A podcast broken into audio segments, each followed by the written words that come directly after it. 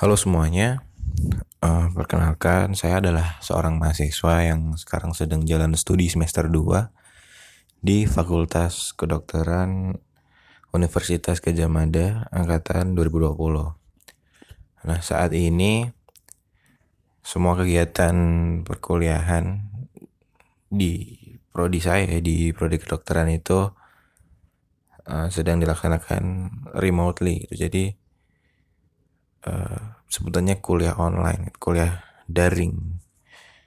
Nggak ada mahasiswa yang ke kampus. Mungkin kalau di FKUGM yang harus ke kampus adalah mahasiswa semester akhir ya yang praktikumnya itu nggak bisa uh, secara secara daring jadi harus datang ke kampus itu yang tahun ini mau koas dan lain sebagainya tapi untuk angkatan saya masih full daring dan di tengah hiruk pikuk kuliah online yang sangat melelahkan ini yang semua orang mengeluh tentang punggungnya yang sakit lah tentang mata yang pedes banget lihat layar berjam-jam.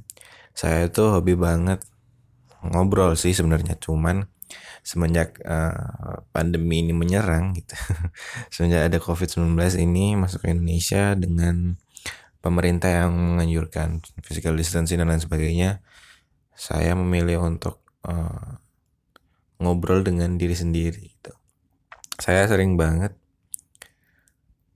sedang nganggur nggak ngapa-ngapain gitu gabut. Dan memilih untuk yang ngomong aja gitu. Tanpa lawan bicara.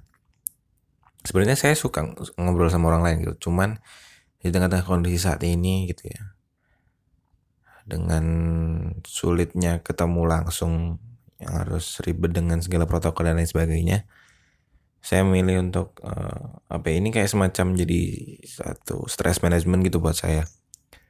Saya sering ngobrol-ngobrol sendiri tentang apa aja. Langsung ngomong aja gitu ke diri sendiri. Cuman saya penasaran gimana jadinya kalau uh, itu ditaruh di sebuah platform dalam bentuk podcast gitu iseng-iseng aja karena saya itu tadi suka ngomong dan tentang random aja tentang apa pun yang lagi terlintas di pikiran saya gitu nah kali ini saya pengen apa ya memuaskan rasa ingin tahu saya kali ya. Kalau misalkan itu diupload di suatu platform, apakah akan banyak yang relate atau apakah akan ada orang yang suka dengerin orang ngomong? Mungkin uh, apakah ini akan jadi naik level gitu kali ya. saya sih kurang tahu, cuman saya melakukan ini hanya untuk uh, stress management aja. Nah, jadi sekarang ini ya saya lagi pengen banget ngomong dan mungkin lebih ke cerita ya tentang sudut pandang saya sendiri sebagai uh, siswa yang lulus tahun 2020 di tengah pandemi gitu. Jadi saya pengen cerita tentang sudut pandang saya tentang apa aja yang udah terjadi dan lain sebagainya. Bagaimana uh, kondisi ini ngefek ke saya gitu. Mungkin uh, beberapa waktu yang lalu uh, saya itu masih apa ya masih bener-bener kebingungan gitu kayak baru kemarin aja COVID-19 ini nyerang itu padahal udah setahun. Sekarang bulan Februari. Saya ingat banget dulu COVID itu masuk ke Indonesia. Pasien pertama yang, yang saya ingat saya itu ada dua di Depok ya yang tentu diumumkan sama presiden.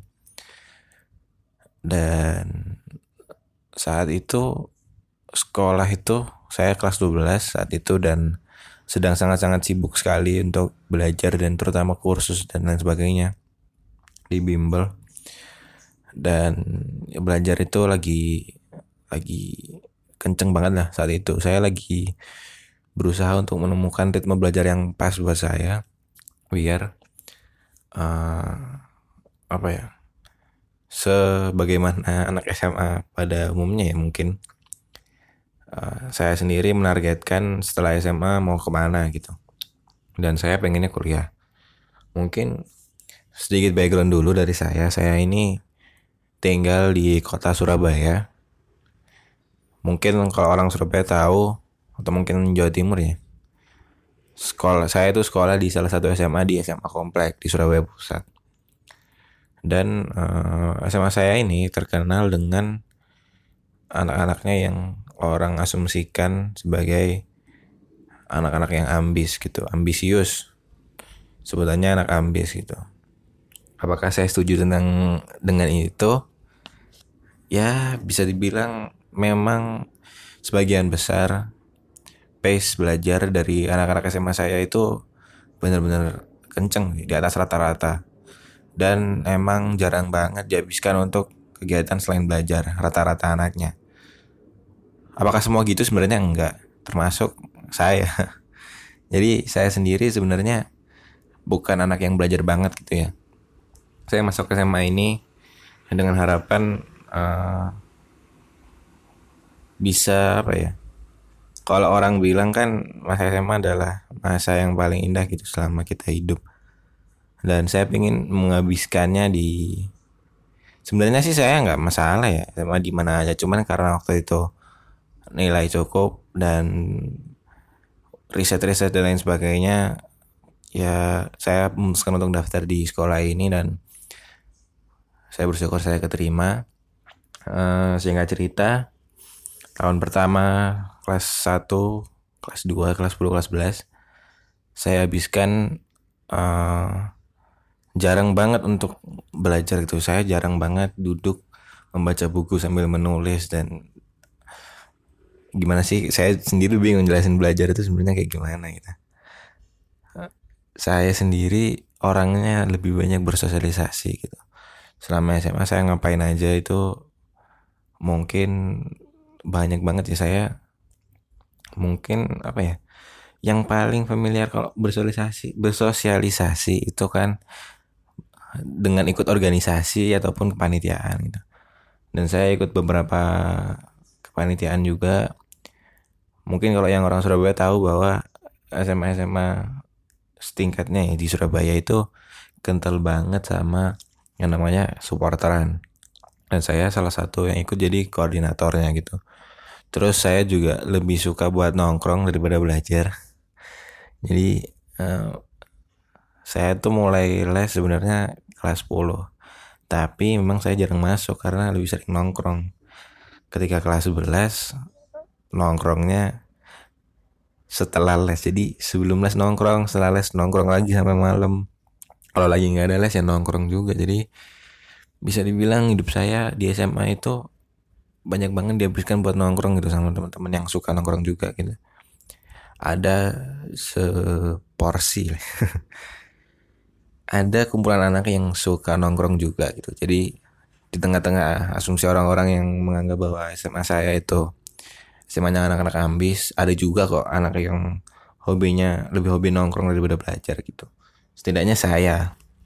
Dan apa ya itu adalah um, bentuk saya untuk apa ya bersosialisasi nyari relasi nyari teman sebanyak banyaknya itu terutama lewat selain kepanitiaan dan organisasi tadi supporteran juga sama teman-teman yang nongkrong gitu. Nah dan tiap nongkrong juga pasti ketika saya kelas 10 ya ada kakak kelas juga ketika saya udah kelas 11 kelas 12 juga ada adik kelas juga gitu. Jadi bisa dibilang obrolannya obrolan obrolan lintas angkatan.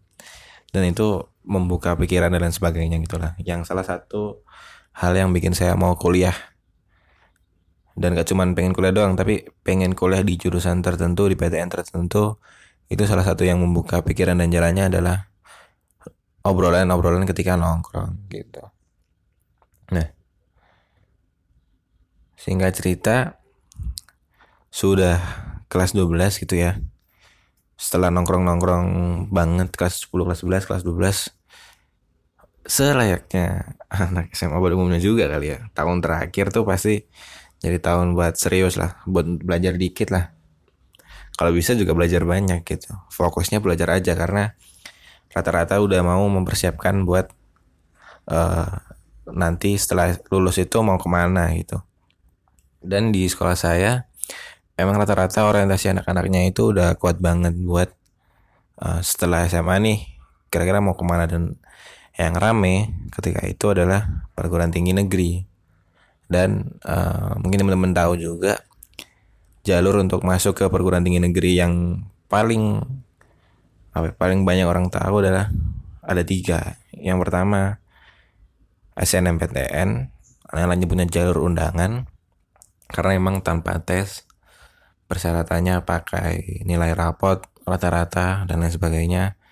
Terus yang kedua adalah SBMPTN dengan ujiannya ujian tulis berbasis komputer sebutannya UTBK terus uh, yang terakhir adalah ujian mandiri gitu yang diselenggarakan oleh PTN masing-masing nah karena ini udah kelas 12 nih udah pengen serius ikut bimbel juga jadinya lebih serius gitu dan saya bimbel di kalau nyebut warna ya yang di Indonesia yang paling banyak adalah mungkin oranye dan biru gitu. Nah, saya ikutnya bimbel pink.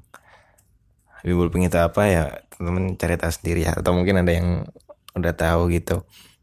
Nah, bimbel pink itu emang terkenal banget dengan anak-anaknya yang ambis dan tanggungan yang banyak banget gitu. Kita di bimbel pink dikasih apa ya?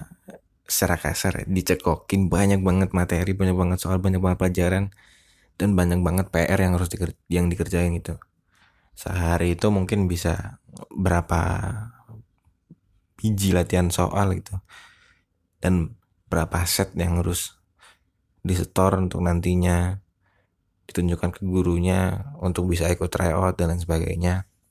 Intinya di bimbel ini benar-benar apa ya dibilang keras sebenarnya tergantung orangnya. Cuman bagi saya yang nggak biasa untuk belajar saya sangat-sangat apa ya struggling lah untuk menemukan ritme belajar yang pas itu. Karena saya butuh ritme untuk belajar kayak porsinya seberapa waktunya kapan uh, ngumpulin mood itu harus ngapain dulu. Itu bener-bener ngaruh dan saya orangnya tipe yang motivasi belajarnya adalah lihat orang lain belajar gitu.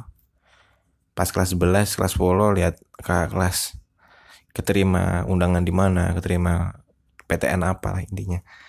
Pasti jadi motivasi juga buat saya itu lihat mereka lihat kakak kelas saya sedang belajar di kelas.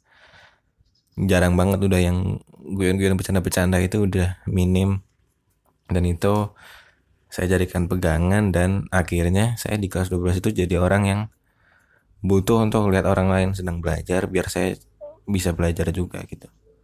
Mungkin nggak semua orang kayak saya dan mungkin met, uh, metode bukan metode cara atau hal yang saya jadiin pegangan ini terlalu riskan ya bilang karena karena tadi saya pengen ngomongin tentang gimana pandemi ini ngaruh, mempengaruhi saya. Saya sih jadi agak apa ya bukan agak lagi sebenarnya sangat-sangat terpengaruh gitu. Saya ingat uh, dari awal semester 1 kelas 12 ya saya itu belajar kayak full semuanya itu di bimbel gitu. Sekolah hanya untuk mengerjakan diberi tugas masih kadang-kadang saya sendiri sih masih ngejar buat SNM dikit lah.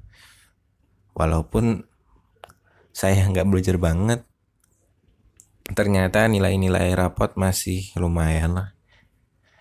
Masih bisa masuk ke kuota SNMPTN dan uh, nanti akan saya ceritain gimana uniknya SNMPTN itu gitu. Nah mulai masuk semester 2 sekitaran Januari itu belajar udah diwanti-wanti juga gitu. Belajar yang benar. Cari uh, posisi belajar terbaik atau cara belajar terbaik strategi belajar terbaik itu kayak gimana. Saya udah hampir nemu tuh. Bulan Februari masuk dan ternyata di satu waktu itu saya kami semua ya yang di SMA itu masuk hari Jumat tanpa tahu bahwa hari itu ternyata hari terakhir sekolah. Karena Seninnya udah diputuskan pembelajaran dilaksanakan secara daring.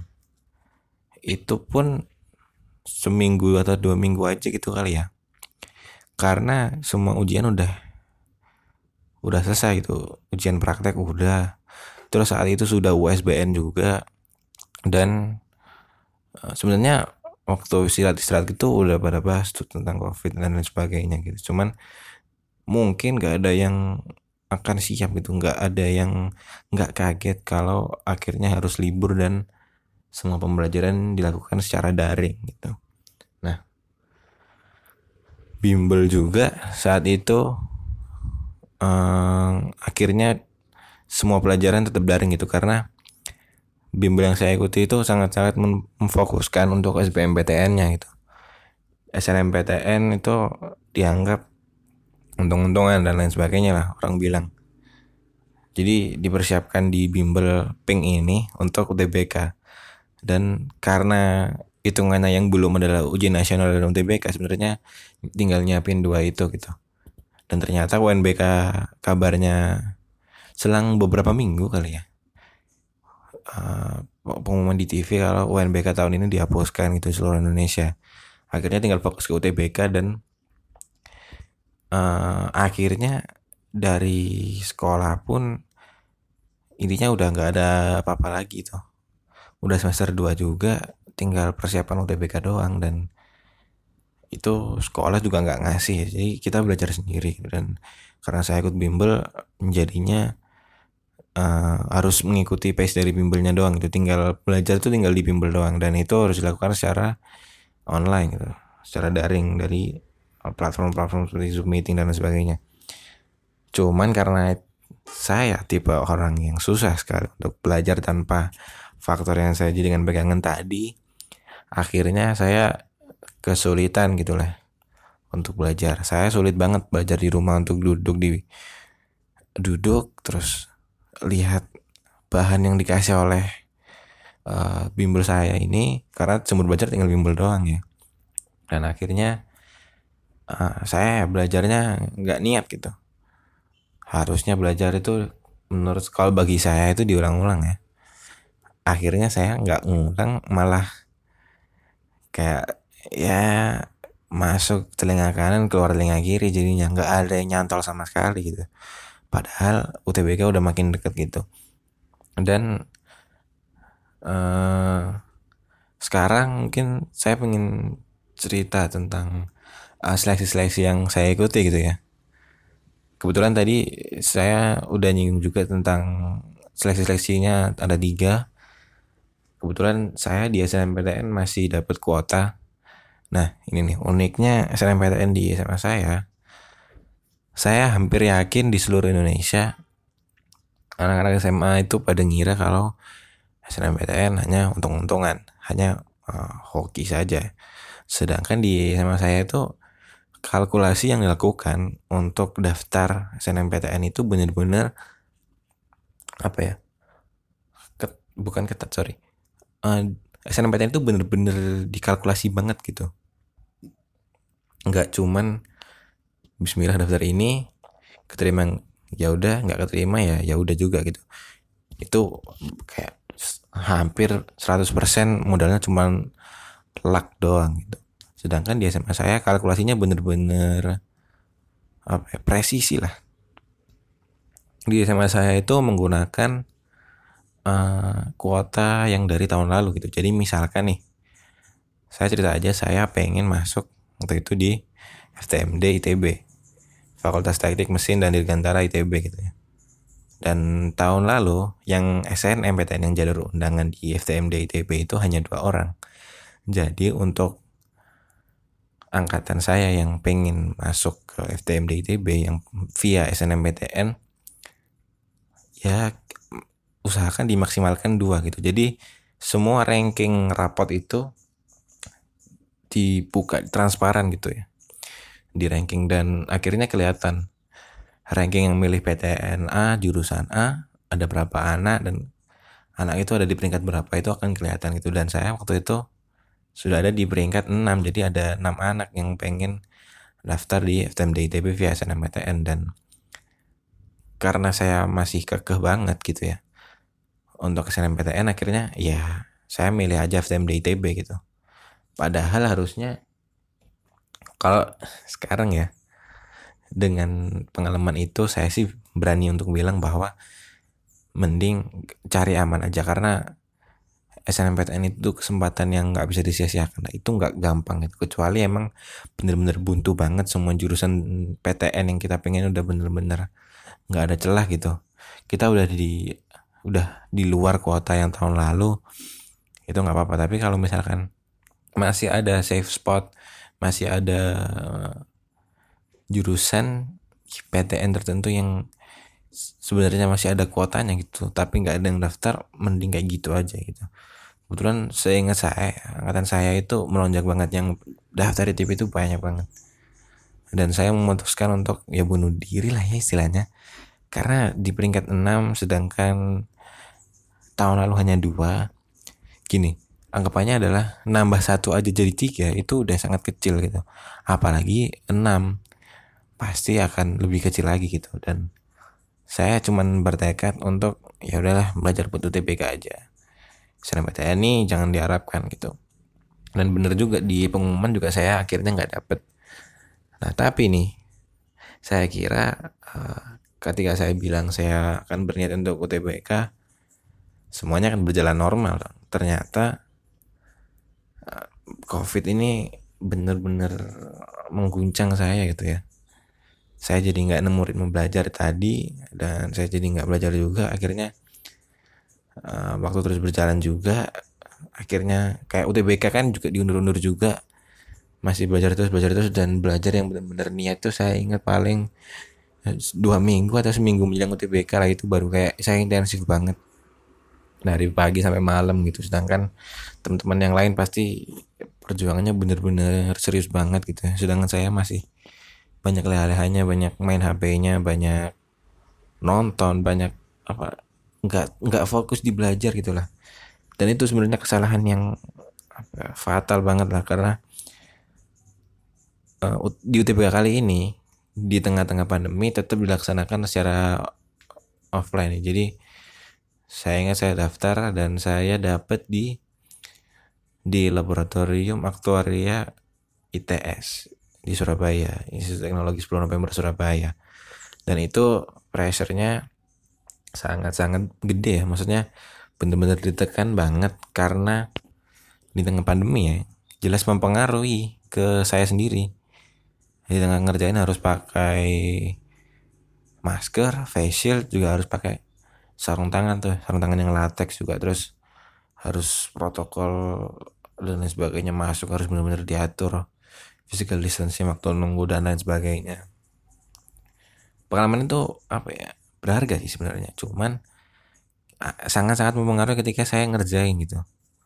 Apa yang dua minggu belakangan saya ingat-ingat itu nggak terlalu nancep akhirnya. Karena ditekan dengan uh, ngerjain harus pakai sarung tangan dan facial dan masker dan dalam kondisi ini gitu.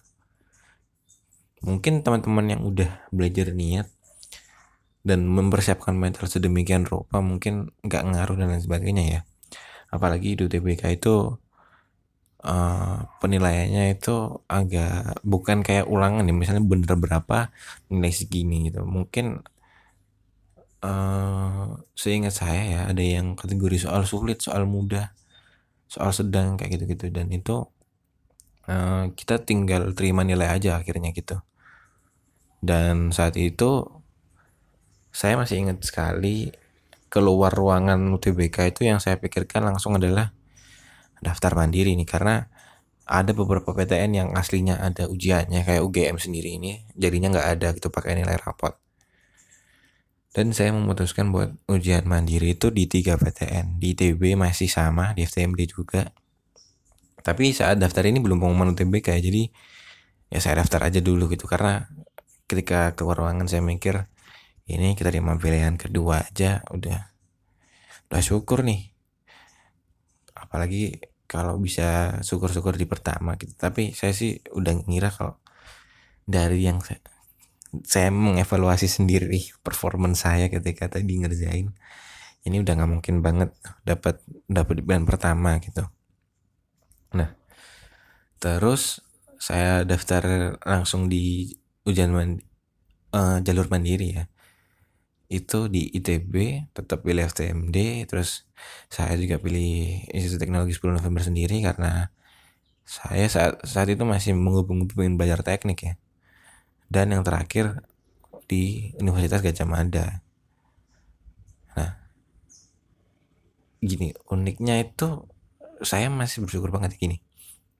Di ITB saya nggak terima sama sekali. Terus di ITS saya keterima di pilihan terakhir gitu. Teknik masih teknik. Terus di UGM saya juga milih teknik. Cuman karena ada tiga pilihan dan di UGM itu fakultas tekniknya itu jadi satu gitu. Mungkin teman-teman banyak yang uh, udah tahu juga dan sebenarnya bisa dicari tahu juga. Kalau di ITB kan fakultas tekniknya macam-macam gitu ya. Fakultas teknik ini sekolah teknik ini itu macam-macam gitu. Dan di ITS juga sama. Dan sedangkan di di UGM saya nggak familiar sama teknik yang satu doang itu fakultas teknik gitu. Karena bukan institut teknologi juga karena kan UGM kan judulnya universitas itu bukan kayak ITB dan ITS Institut Teknologi ilmu, Institut Ilmu Teknik. Dan akhirnya saya di UGM memutuskan untuk milih teknik saya masih ingat itu teknik sipil. Terus uh, teknologi informasi kalau nggak salah. Nah saya cuman minat dua itu gitu. Saya bingung nih karena ini ada tiga. Saya iseng aja gitu ya udahlah FK paling juga nggak keterima. Karena nilai di UGM di apa jalur UGM saat itu seleksi masuknya pakai nilai rapot. Di tahun-tahun sebelumnya itu pakai ujian. Di UGM itu terkenalnya utul sebutannya ujian tulis untuk masuk UGM sehingga cerita langsung ke pengumuman saya oh, ternyata keterima di FK gitu. Terus pengumuman kedua itu awalnya itu pengumuman sorry sorry. Jadi setelah daftar mandiri dan lain sebagainya oh ya saya yang ujian itu ITS jadi Institut Teknologi 10 November itu jalur mandirinya pakai tes. Jadi saya uh, kayak ngerjain ujian gitu tapi di rumah remotely pakai Zoom dan lain sebagainya pakai platform dari ITS-nya itu sendiri. Terus setelah ujian itu terakhir dan finalisasi daftar 3 PTN itu via jalur mandiri pengumuman UTBK keluar dan benar saya nggak keterima dua-duanya pengumuman selanjutnya adalah UGM. Jadi UGM ini yang pertama kali ke pengumumannya, seingat saya ya. Di antara tiga itu kalau nggak salah UGM. Nah, saya terimanya di uh, eh, FK saat itu. Yang saya nggak nyangka kalau bisa karena saya merasa FK grade-nya terlalu tinggi untuk nilai rapot saya gitu. Tapi ternyata masih keterima. Itu saya kaget ya dan mungkin nggak sesayang teman-teman yang udah ngincar banget FK gitu. Saya karena saya ngincar ngincar bangetnya adalah teknik. Setelah itu pengumuman di ITS saya keterima di teknik juga. Ternyata di ITB yang terakhir yang saya pengen dari awal-awal masuk SMA gara-gara uh, jalan yang saya tempuh di SMA perjalanan yang begitu panjangnya ternyata nggak dapet juga. Jadi ketolak ITB tiga kali itu benar-benar saya down banget gitu itu kayak udah dia udah memfonis saya ITB memfonis saya untuk jangan kuliah di ITB nih. Ini udah tiga jalur. Sebenarnya masih ada satu jalur lagi yang bisa itu internasional gitu. Tapi memikirkan UKT dan lain sebagainya saya urungkan untuk daftar. Terus karena perlu tes tes lagi kayak tes TOEFL dan lain sebagainya saya kurang tahu sih sebenarnya syaratnya apa aja. Cuman seingat saya ada tes Eh, profisiensi bahasa Inggris juga. Karena pengantar kuliahnya itu bahasa Inggris kalau di program internasional.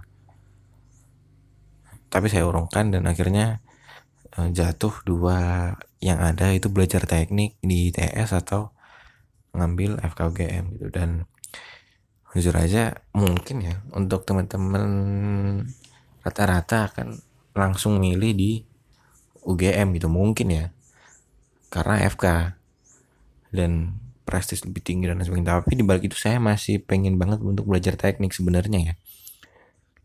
Saya bimbang dan uh, batas akhir untuk submit itu sebenarnya masih beberapa hari gitu ya ada seminggu mungkin. Dan selama seminggu itu juga saya mikir gitu. Dan pada akhirnya saya mikir ya udahlah uh, kayaknya saya ambil FK aja. Karena uh, saya mikirnya kan lulus dari FK nggak langsung jadi dokter nih harus ambil program profesi dan lain sebagainya untuk koas dulu dan lain sebagainya. Panjang banget ya nanti setelah itu saya berniat untuk lanjut ke uh, strata berikutnya ke S2 gitu. Untuk cari gelar magister dan lain sebagainya. Dan seterusnya dan seterusnya lah. Panjang pemikiran saya. Intinya saya uh, milih untuk di ambil FK di UGM gitu. Apakah itu keputusan yang tepat uh, mungkin lain waktu akan saya ceritakan tentang hiruk pikuk dunia per FK-an ya. Teman-teman di sini udah pada tahu juga saya relatif mana FK yang sangat belajar banget. Dan dengan posisi saya yang nggak biasa dengan belajar itu bahkan di tengah-tengah persiapan menuju UTBK gitu. Jadi uh, mungkin nanti saya bisa cerita juga kalau lagi pengen gimana sih sudut pandang sekolah di FK dari orang yang sebenarnya nggak nggak bercita-cita banget untuk kuliah di FK gitu? Itu mungkin bisa banget saya sih berharapnya kalian yang dengerin itu teman-teman yang dengerin ya. Siapa pun dan sedang sibuk apa pun sekarang uh, saya sendiri menyikapi bukan menyikapi ya uh, mengatur diri saya untuk coping dengan pandemi ini itu sudah sesusah itu gitu. Jadi bisa kuliah di tahun ini itu udah bener-bener luck yang sangat gede dan privilege dan uh, apa ya sesuatu yang saya itu beruntung banget gitu bisa dapat. Dan buat teman-teman semuanya yang dengerin uh, apa pun yang kalian kerjakan sekarang yang pasti juga akan uh, bersinggungan dengan adanya pandemi ini. Semoga hidup kalian lancar-lancar aja. Uh, mungkin itu aja cerita panjangku. Gimana COVID-19 ini dan pandemi-pandeminya berefek ke seorang pelajar SMA yang udah lulus dan persiapan untuk masuk ke PTN. Mungkin kalian ada yang relate, mungkin ada kalian yang suka dengerin. Terima kasih banyak. Mungkin itu aja dari aku. Semoga aku bisa cerita lagi di lain kesempatan. Dan terima kasih.